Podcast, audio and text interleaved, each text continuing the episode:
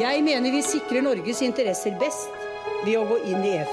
L'Europe ne se fera pas d'un coup, ni dans une construction d'ensemble.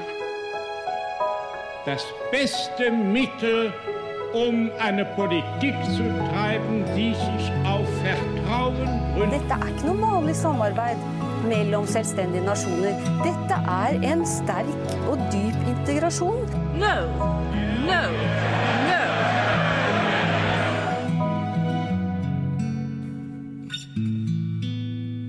Velkommen til Det europeiske kvarter, en podkast om europeisk politikk og historie av Lise Rye og Kristine Graneng ved Europastudier på NTNU. I denne episoden skal vi snakke om Ukraina og EU. Og Lise er på farten, men jeg har fått med meg Tobias Schumacher her i studio. Og det er kjekt å ha med oss en gjest igjen, Tobias. Velkommen. Tusen takk.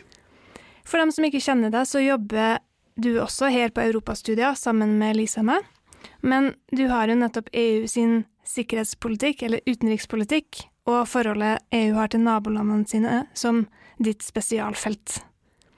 Og når vi spiller inn der, så er det torsdag 17. februar, og det siste jeg har fått med meg, iallfall, som har skjedd, det er jo at Russland hevder de trapper ned den militære tilstedeværelsen sin i områdene rundt Ukraina, mens Stoltenberg og Nato eh, sier at de ikke ser tegn til noen neeskalering av situasjonen.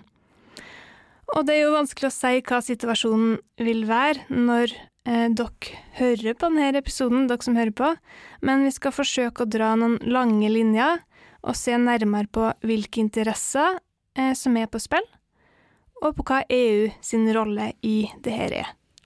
Og da tenker jeg at vi kan starte med å gå tilbake nesten ti år i tid, Tobias, til Euromaidan-protestene eh, i 2013. Hva var det som skjedde da? Tack så mycket Kristine för uh, eh, själva inbjudan och uh, eh, för att ge mig möjligheten att uh, få vara med på podcasten.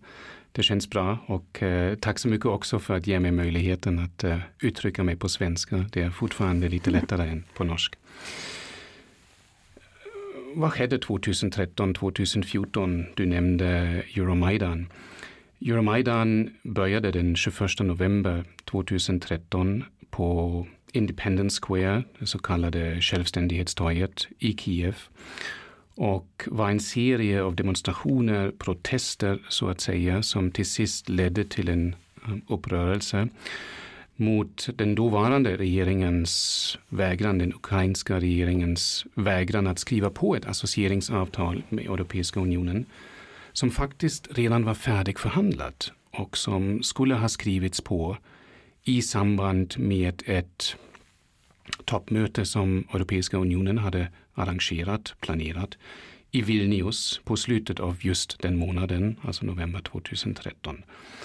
Och regeringen av den dåvarande presidenten Janukovic meddelat precis den 21 november 2013 att den ukrainska ledningen inte bara kommer att inte skriva på själva avtalet utan att också sluta Ukrainas europeisk integrationsprocess. Och istället gå med på den så kallade Eurasian Economic Union, den så kallade Eurasiska ekonomiska unionen, som leds av Ryssland och som etablerades faktiskt som en motvikt till EU. Så de tog ett tydligt steg bort från EU och mot Ryssland? Det var det som var planen då, um, åtminstone från Rysslands eller Kremlins um, sida. Och det beslutet att avsluta, stoppa hela den ukrainska integrationsprocessen med EU Ähm, tillsammans med oerhört stort missnöje i den ukrainska befolkningen över Janukovics odemokratiska, korrupta uh, styre um, tillsammans med kränkningar av mänskliga rättigheter faktiskt var liksom en, en initial gnista så att säga, som en katalysator för att utlösa en våg protester som spredde sig över hela landet inom kort. Och demonstrationerna blev alldeles större och större. Och framförallt efter regimen använde sig av de så kallade Berkut-styrkorna, säkerhetspolisen, och dödade sammanlagt 104 människor, de så kallade Heaven, eh, hundred, Heavenly Hundred, um, då tippade allting och trycket både inifrån och utifrån ökade så pass mycket att till sist regimen föll i februari 2014. Låt mig bara också um, säga något om själva avtalet, för det var ju en del av frågan också. När det gäller det avtalet som stod ju i centrumet då vid den tiden mellan EU och Ukraina så pratar vi faktiskt um, om en situation då det avtalet var den formella, och jag vill betona att det var den formella utlösaren för det som skedde Eh, på hösten 2013 och det handlar om ett så kallat associeringsavtal som EU kan eh, konkludera med tredje länder enligt artikel 217 av Lissabonfördraget och, och som etablerar en, en associering som kretsar kring ömsesidiga rättigheter och skyldigheter, gemensamma procedurer och handlingar. Med andra ord, med sina faktiskt 2144 sidor, åtminstone i den engelska versionen, så är det avtalet det mest omfattande avtalet som EU har någonsin förhandlat fram och signerat med tredje land. Mm. Och vad var orsaken till att EU önskade en sån avtal med Ukraina? Varför la man så mycket resurser i det? Avtalet, avtalet har sin ursprung i EUs så kallade Big Bang Enlargement. Alltså den så kallade östutvidgningen som, som skedde i två vågor, nämligen 2004, 2007 och som ledde till att EU accepterade tio nya medlemsstater och framförallt länder som ligger i centralt Europa. Och i det sammanhanget, framförallt 2002 och i början av 2003, kom man stegvis fram inom Europeiska kommissionen att nya medlemmar kommer också att innebära att man skulle ha nya gränser, yttre gränser och därmed nya grannländer. Och den insikten ledde till att EU antog sin så kallade European Neighborhood Policy, alltså den europeiska grannskapspolitiken. Mm, naboskapspolitiken. Just det, som, som ni säger på norsk. Och den politiken i sin ursprungsversion åtminstone hade som målsättning att skapa en ring of friends, en ring av vänner, som kommissionspresident eh, Prodi um, sa då. Och i, i centrumet av en sådan ring av vänner skulle det finnas ett slags harmoniseringsarrangemang då alla nya grannländer från Marocko i det södra grannskapet till Moldavien i öst faktiskt skulle få omfattande associeringsavtal som innehåller också det som vi kallar för djupgående och omfattande frihandelsavtal, DCFTAs som vi säger på engelska.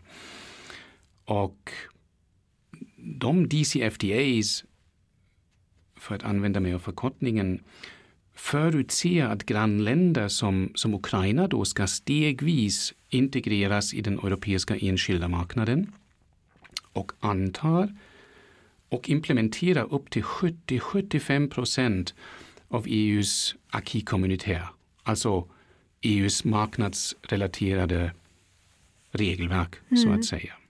Och hade nu, hade nu Ukraina som det största landet, åtminstone bland alla östeuropeiska länder i grannskapet som går med i EUs grannskapspolitik, inte längre hade gått med då, som det såg ut plötsligen i november 2013, så hade det ifrågasatt hela EUs förhållningssätt gentemot Östeuropa och samtidigt signaliserat att Ryssland, som var ju den som pressade Janukovic i november 2013 att inte skriva på avtalet, kan effektivt tillbaka trycka EU från det som Kremlin anser vara, som, eller anser vara Rysslands exklusiva inflytelsesfär. Så med andra ord, hade EU misslyckats med att få Ukraina att skriva på avtalet hade hela EUs grannskapspolitik kollapsat. Men det sker ju inte, för eh, det skjer jo endringer i Ukraina etter de her protestene. For i februar 2014 så blir eh, Janukovitsj avsatt. Og like etter, eh, i mars, så annekterer Russland Krimhalvøya. Hva var sammenhengen her mellom eh, Euromaidan-protestene og annekteringa av Krim, og, og eh, avtalen med, med EU? Det är en bra fråga. En, en oerhört viktig fråga kan jag tycka. Det var faktiskt så att den gamla Kremlinvänliga ukrainska regimen av Janukovyč föll den 21 februari 2013. Den 21 februari. Och det var bara två dagar senare, den 23 februari 2013, att Vladimir Putin, Rysslands president, gav befälet att addiktera Krimhalvön. Så å ena sidan var Putins beslut en omedelbar reaktion på att Kremlin förstod att man hade förlorat, så att säga, Ukraina till EU och därmed västvärlden och i sin tur förlorat en någorlunda lojal, så att säga, regim. Å andra sidan var kollapsen av Janukowitschs regim en välkommen ursäkt. En välkommen ursäkt för att driva vidare idén om att återskapa det så kallade Novorossier, som var en del av det ryska imperiet och också att återförena, så att säga, Ryssland med Krim, som förresten gavs till den dåvarande ukrainska Sovjetrepubliken 1954. Så på så sätt var annekteringen av Krim alltså å ena sidan en planlagt maktdemonstration gentemot västvärlden att inte blanda i sig, så att säga, i Rysslands intressesfär. Å andra sidan en tydlig maktdemonstration gentemot det nya styret i Ukraina att vilket beslut som helst de skulle ta och som skulle flytta Ukraina till EU ännu närmare, mm. eller till och med NATO, skulle besvaras omedelbart, hård och med våld. Så hur kan, det, hur kan det då förklaras att ett någorlunda tekniskt avtal, för det, det, står ju, det är ju det som står bakom din fråga egentligen, att ett så, så pass tekniskt avtal som det verkar, som EU hade förhandlat fram med Ukraina, fick Ryssland att reagera på det sättet. Och där skulle jag vilja säga att Kremlin anser allt som kunna leda till att Ukraina integreras djupare i västvärldens politiska ekonomiska och säkerhetspolitiska strukturer som oacceptabelt just för att Kremlin, eller ursäkta, Ukraina i Kremlins förståelse anses vara en del av Rysslands egen maktsfär. Och mer än bara det, Kremlin nu för tiden anser att Ukraina inte ens ska ha rätt att vara självständig. Och Putin har sagt det förra juli faktiskt, juli 2021, när han publicerade en uppsats där han hävdar att det ryska folket och det ukrainska folket är faktiskt ett folk. Mm. Hva er situasjonen nå, da? Eh, hvordan har forholdet mellom EU og Ukraina vært siden 2014? När det gäller relationerna mellan Europeiska unionen och Ukraina, mm. menar du? Relationerna är väldigt, väldigt nära väldigt intensiva på många olika nivåer. Ukraina är det som Europeiska unionen kallar för en priority partner. Och som jag nämnde tidigare så har EU och Ukraina, jag tror åtminstone att jag nämnde det, um, skrivit på det, det bilaterala associeringsavtal till sist i 2014. Först i mars och sen den andra delen i, i juni 2014. Och den trädde i kraft um, i full kraft den 1 september 2017. Men redan sedan 2014 är Europeiska unionen tillsammans med medlemsstaterna den viktigaste, eller har blivit den viktigaste handelspartnern och bidragsgivaren för Ukraina. Dessutom är EU den viktigaste samarbetspartnern när det gäller att hjälpa de ukrainska myndigheterna att reformera sitt uh, rättsväsen och den offentliga sektorn.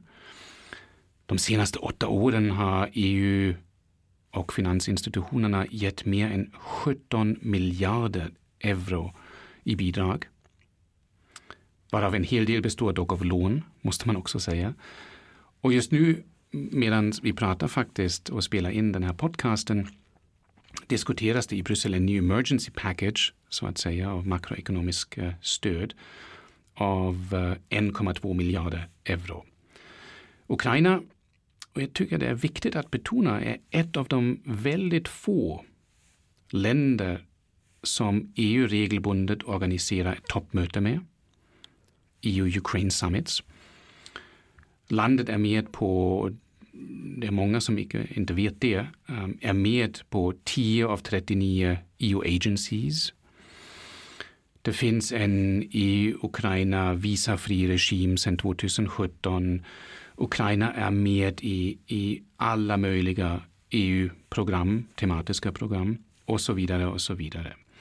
Och allt det, och, och, och det, det, är det sista jag vill säga när det gäller den frågan. Allt det har också blivit möjligt för att Ukraina själv har det som, som en konstitutionell förankrad målsättning att bli EU-medlem. Mm. Och NATO-medlem faktiskt. Och det är just den punkten som har varit den största, ja, som man nu säger på engelska, stumbling block, det största problemet, um, så att säga, i relationen mellan båda två eftersom EU, eller framförallt medlemsstaterna, har hittills systematiskt vägrat att ge Ukraina en, en konkret medlemskaps, medlemskapsperspektiv och istället pekat ut hela tiden alla de områdena där Ukraina inte har gjort sina ja, hemläxor, så att säga. Det vill säga att inte reformerat tillräckligt mycket. Mm. Det er en ting jeg har lurt en del på um, i det siste, og egentlig så har du svart på det, fordi um, det jeg har lurt på, er om Ukraina skiller seg veldig fra andre land i nærområdet til EU, eller om det er potensial for tilsvarende konflikter også mm. andre steder i EU sitt nabolag. Men når du snakker, Tobias, så, så viser det jo veldig tydelig at, uh, at EU har et spesielt forhold til Ukraina, og det handler vel kanskje mye om størrelsen på landet? Absolut. Um, Ukraina är en särskild partner när det gäller den europeiska grannskapspolitiken just för att den är så, så pass viktig politiskt, ekonomiskt, säkerhetspolitiskt, geopolitiskt. Mm. Den ligger ju mitt i Europa. Vi snackar om 40 miljoner människor. Ett land som är verkligen ja, vid gränsen mellan öst och väst ja, och som anser sig själv som europeisk.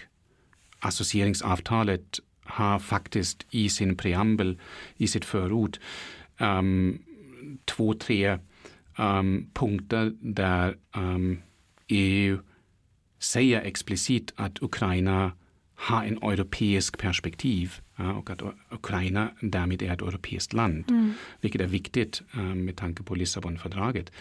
Men för att komma tillbaka till um, den andra punkten som du nämnde nu, um, om Ukraina skiljer sig eller inte från andra länder och därmed liknande situationer i grannskapet, um, så, så tror jag nog att jag har redan sagt ja, den skiljer sig just för att den är så pass annorlunda och viktigt på så många olika nivåer. Men nej, den skiljer sig inte um, från, från um, andra. Just för att det som den ryska ledningen gör gentemot Ukraina och jag tänker då på annekteringen av Krim, jag tänker på kriget som man för sedan 2014 i östra Ukraina. Jag tänker på um, hela den militäriska utpressningen som pågår just nu. Allt det där är en del av ett större mönster som är ganska så tydligt när det gäller den ryska utrikes och säkerhetspolitiken sedan 2007-2008.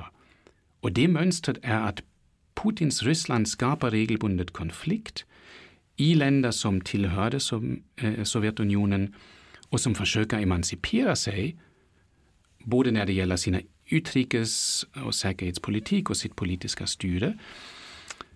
Men sen pressar Ryssland västvärlden att lösa de konflikterna som Ryssland själv har skapat på ett sätt som gynnar Ryssland till sist. Och då tänker jag till exempel framförallt på Georgien, för att ge ett konkret exempel, och därmed Abkhazien, Sydossetien. Jag tänker på Moldavien och därmed Transnistrien. Vad Ryssland har konsoliderat ett läge som, som tillåter Kremlin att när som helst öka eller minska eskalationsnivån. Om jag bara får säga en sak till. Tänk också på Syrien. Nu har vi pratat framförallt om Ukraina och Östeuropa, men tänk på Syrien som också ligger i Europeiska unionens grannskap och är med egentligen i grannskapspolitiken. Det är ett annat exempel var Rysslands militäriska agerande sen i så fall september 15 har förändrat hela konfliktdynamiken. Och ja, på så sätt tror jag nog, och det är nog min, min eh, ja, trista slutsats när det gäller just den frågan, att vi måste konstatera att Ryssland har nog blivit en, en makt och resursfull spoiler, så att säga, i dagens internationella system och man har tyvärr perfektionerat den rollen. Mm. Jeg tenker vi må komme litt inn på, mer inn på dagens situasjon og EU sin rolle i den. Og når jeg har fulgt med på det som skjer eh, nå, så er en ting som har slått meg når jeg sammenligner med, med 2014, 2013-2014, at eh, det for, ikke i like stor grad handler om det økonomiske samarbeidet mm. og integrasjon, men mer om det sikkerhetspolitiske, eh, det militære, Nato. Og du har egentlig svart på, på det også, Tobias, at eh, Og hvis jeg oppfatter eh, det rett, så er det litt sånn at det økonomiske spørsmålet er, eh, er på en måte avklart, og det neste steget er det militær, eh, militære, det sikkerhetspolitiske. Det er der Russland føler at nå, der må de sette strek. Er det en riktig oppfatning, tenker du? På det stora hela så, så tror jag nog det. Um, fast jag skulle också vilja peka ut att det som skedde 2013, 2014 var delvis, åtminstone delvis, ett spel för kulisserna också. Visst var man oroad i Ryssland, i Kremlin framför allt, att om Ukraina skulle skriva på det där associeringsavtalet med EU, att det skulle påverka på ett negativt sätt handelsrelationerna mellan Ryssland och Ukraina. För att då var Ryssland den viktigaste handelspartnern för Ukraina. Vilket har förändrat sig helt och hållet förresten sedan 2014, sen uh, avtalet med EU till sist trädde i kraft.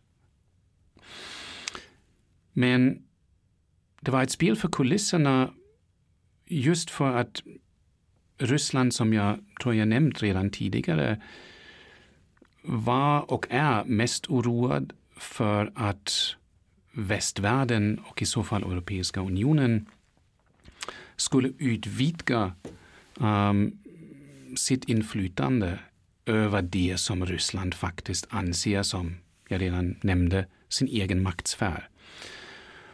Och det tror jag hänger också ihop med en djup, djup osäkerhet bland aktörerna i Kremlin när det gäller det politiska styret.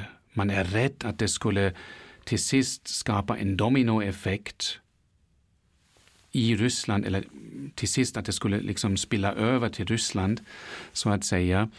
Um, att, att liksom det som sker i Ukraina, i Georgien, i Moldavien, nämligen att, man, att, att det finns regeringar som är verkligen motiverade på det stora hela att reformera sina länder och att samhällen då ökar trycket i så fall gentemot den ryska ledningen att, att göra samma sak.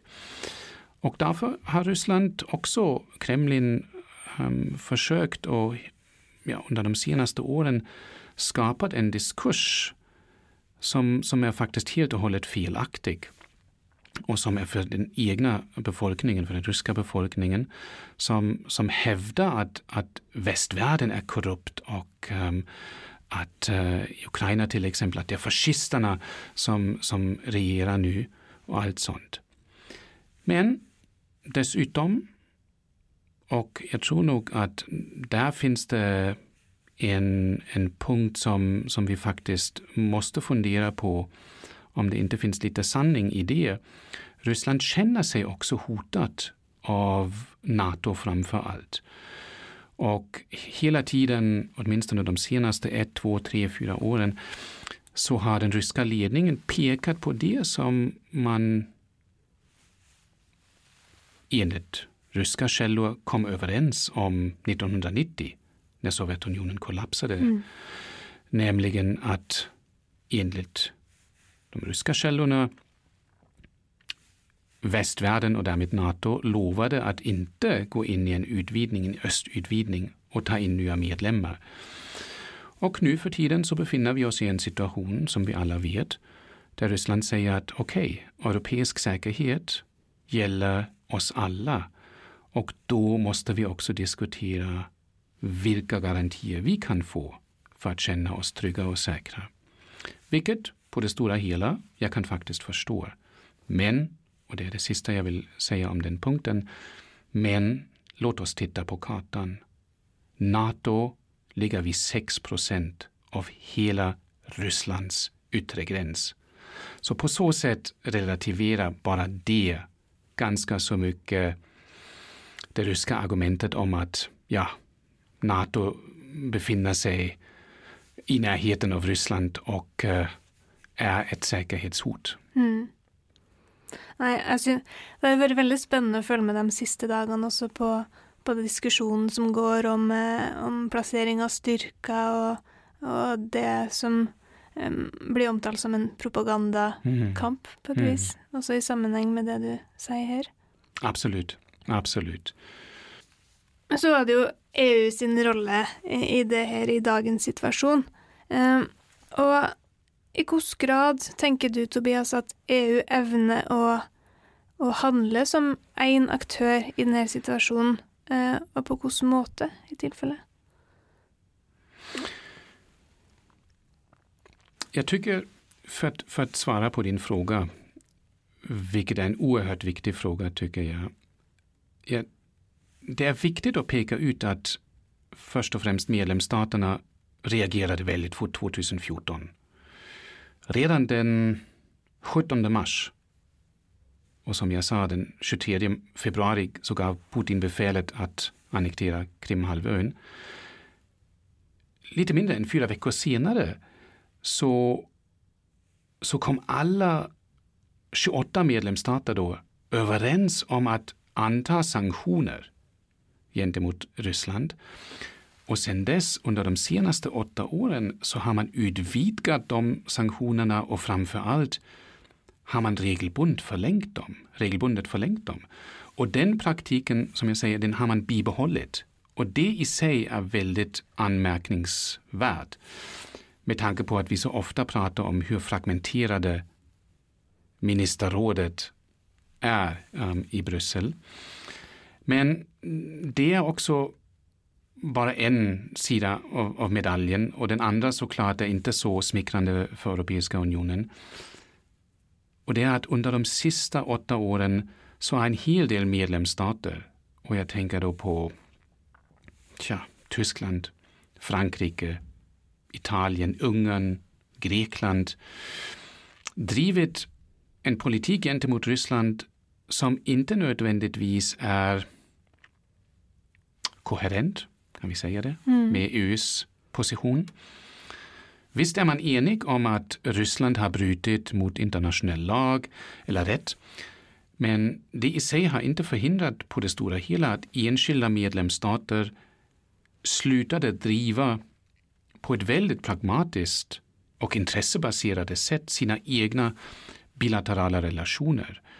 Och det mest kända exemplet såklart är Nord Stream 2, um, rörledningen um, som går från Ryssland direkt till, till Tyskland genom Baltiska havet, uh, som färdigställdes uh, förra året. Och uh, där till exempel en, en överväldigande majoritet inom EU helt och hållet emot um, just det projektet. Mm, man, man säger, att, och jag håller med, att det går emot EUs lagstiftning.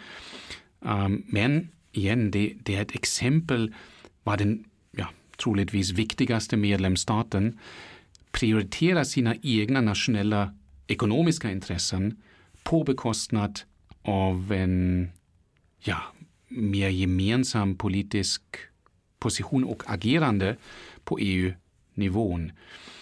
Och um, jag är ganska säker att många av de som lyssnar nu på vår podcast till exempel har följt uh, den nuvarande Ukraina-krisen och kanske har lagt märke till att både den nuvarande tyska förbundskanslern och den före detta förbundskanslern har ansträngt sig väldigt mycket att inte ens nämna Nord Stream 2 när det gäller möjliga nya EU-sanktioner.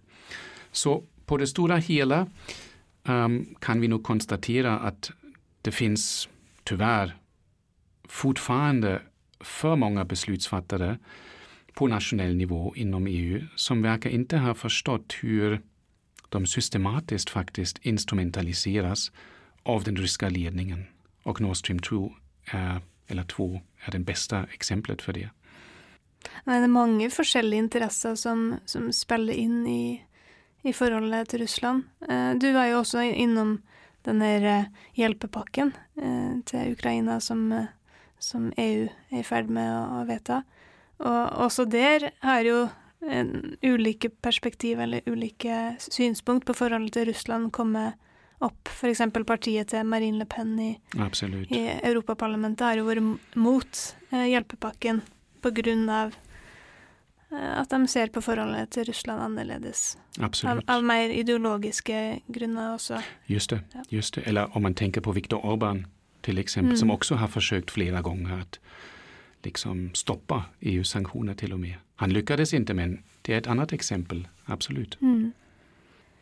EU får ju kritik från fra flere hold eh, om hur de har hanterat det här, eh, bland annat det du, det du har nämnt nu.